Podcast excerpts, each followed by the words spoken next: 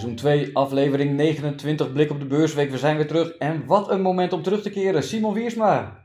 Ja, eh, ja die slaat de spijker op de kop. Wat een moment om terug te keren. Want um, in, in, jouw afwezigheid, maar ook een beetje in, in die van mij natuurlijk, een paar weken geleden, zien we toch dat uh, wereldwijd de aandelenbeurzen de weg omhoog weer, uh, weer verder hebben ingeslagen. En ja, dat is natuurlijk hartstikke mooi nieuws voor beleggers. Ja, het is hè, zoals beleggen voor de lange termijn inderdaad gewoon zoveel mogelijk niet aanraken en niet te veel omkijken en gewoon lekker doorgaan. Nou, je ziet wat er gebeurt.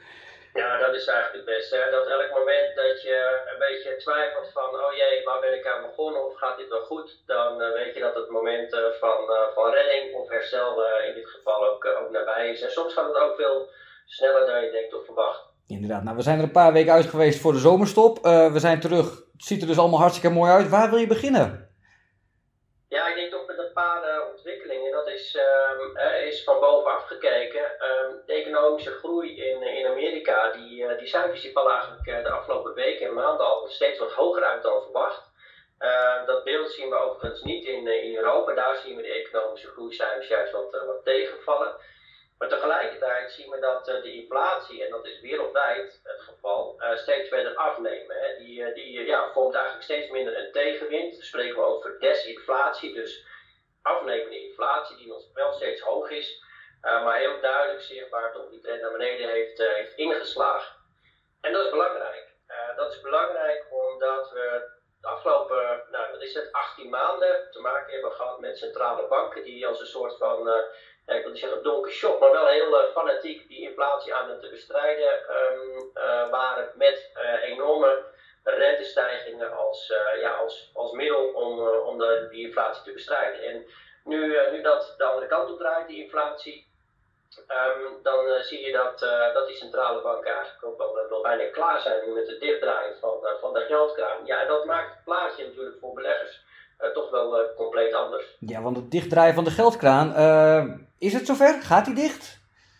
Nou ja, hij is, uh, hij is dicht. En uh, wat ik daarmee bedoel, of bijna dicht, is dat uh, um, we het moment al gepasseerd zijn, of in ieder geval in een aantal gevallen dicht naderen, waarop de centrale banken um, echt wel klaar zijn met het verhogen van de rente. We hebben gisteravond de Fed, die naar ons idee voor het laatst in deze cyclus de beleidsrente met een kwartje heeft verhoogd. vandaag is het de ECB. Uh, die ook verhoogt met een kwartje, helemaal in lijn met de verwachting, maar nog niet zeker weten of ze dat ook in september zullen gaan doen. En puur kijken naar de data in de tussenliggende periode. Hetzelfde geldt voor uh, de Fed. Uh, ja, ik zei net al, die data die wijst toch op dat die inflatie steeds eh, wat lager uitkomt, dat die afneemt. En dus de noodzaak voor die centrale banken om met die renteverhogingen ja, die inflatie, maar ook groei verder af te remmen, ja, die is er dan wat minder. Nou. En uh, dat maakt het uh, zo positief. Uh, althans, de stemming op de beurs. Ja, dat, gisteravond viel dat, hè, we nemen dit op donderdag op. gisteravond bij de Fed viel dat nog wel mee. Dat werd, werd, een beetje lauw ontvangen. Vandaag, vanmiddag, donderdagmiddag, dus de reactie op de ECB, die, die mag er zijn. Hè? Dat is Hosanna. Zeker, ja. Um, ja, wat, wat, wat, hoe kan ik hier verder als belegger, hoe kan ik hierop inspelen? Wat, hè, is het nu ook inderdaad Hosanna? Is het, ja, hoe moet ik hier als belegger mee omgaan? Nee, precies. Hè? Want veel mensen zullen denken van, joh, gaat het nu niet uh, veel te hard? Hè? We hebben een ja. behoorlijke stijging al uh, gezien, zeker vanaf het begin van, uh, van dit jaar. Moeten we daarbij wel in oogschouw nemen dat we natuurlijk vorig jaar een enorm slecht jaar hadden voor een aantal sectoren. Met name de groeisectoren, IT, communicatiediensten, duurzame consumentengoederen en de sector energie, die juist vorig jaar heel goed deed vanwege hoge olie- en gasprijzen. Nou, nu is dat helemaal andersom. Um, zijn die rendementen ook uh, ja, weer gespiegeld, hè, waarbij uh, de sector energie als uh, een van de weinigen juist achterblijft en wij ook veel enthousiaster zijn voor de groeiaandelen, de groeisectoren uit de IT. denk aan die Magnificent Seven aandelen, Apple, Amazon, Alphabet, Meta, Microsoft, Nvidia, Tesla.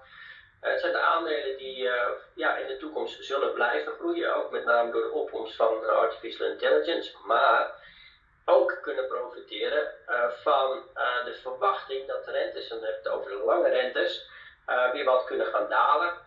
en uiteindelijk ook de beleidsrentes van centrale banken weer wat naar beneden zullen gaan. En dat maakt het samen met ja, een fantastisch goede, of fantastisch goede, we moeten niet gaan overdrijven, maar veel beter dan verwachte kwartaalcijfers van een aantal van die IT-bedrijven maakte dat beleggers daar toch in grote getalen opduiken. En we denken dat, dat dat nog wel even door kan zetten. Oké, ehm, je noemt al eventjes de hele mooie cijfers die we voorbij hebben zien komen in het cijferseizoen. We zitten toevalligerwijs op de drukste dag van dit cijferseizoen. We hebben vandaag Shell voorbij zien komen. Uh, de grote techreuzen die je al even noemde, die hebben we gehad. Een aantal. Meta die kwam met, met, mooie cijfers. Uh, um, hoe ziet het cijferseizoen eruit overal?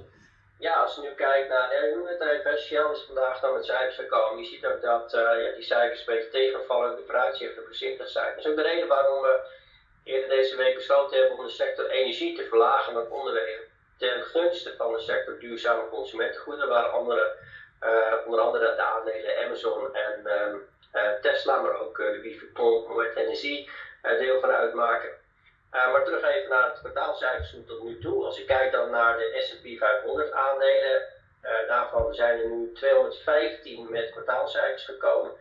Uh, waarvan bijna 80% de winstgroeiverwachting, de winstverwachting met uh, bijna 6% heeft overtroffen. en ook de omzet kwam, kwam hoger uit. Als je kijkt naar de winstgroei over, over alles, hè, dus van die onderliggende aandelen die tot nu toe die cijfers hebben gepubliceerd, en dan komen we uit op een plus van 3%.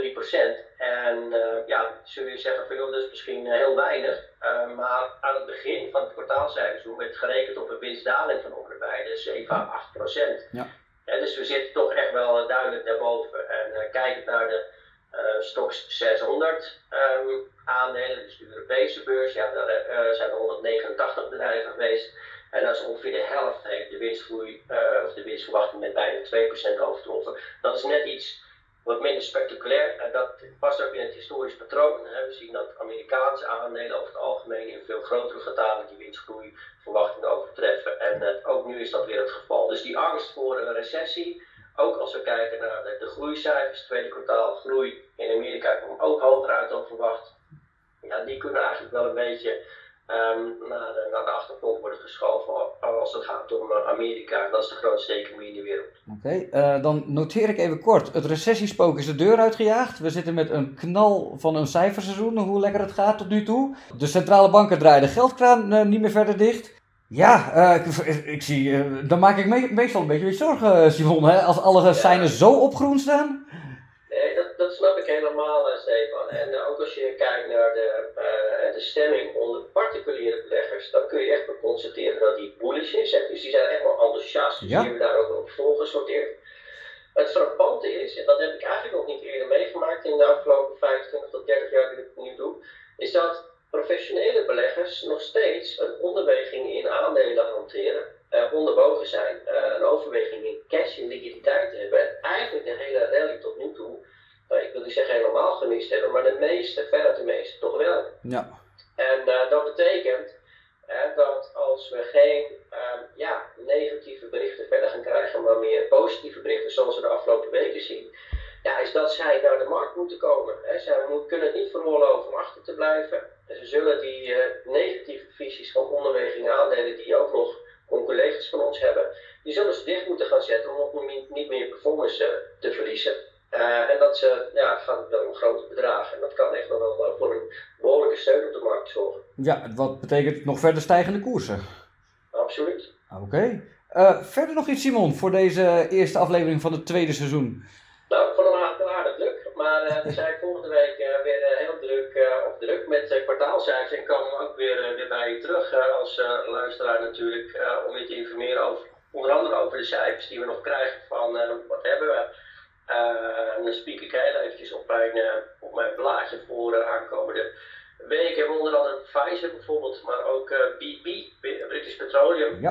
op, op, de dinsdag. Um, en ik weet ook dat Apple volgende week komt.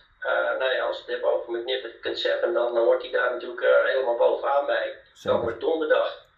Um, en dan hebben we ook nog um, nou ja, een hele reeks van andere cijfers, onder het Credit Agricole.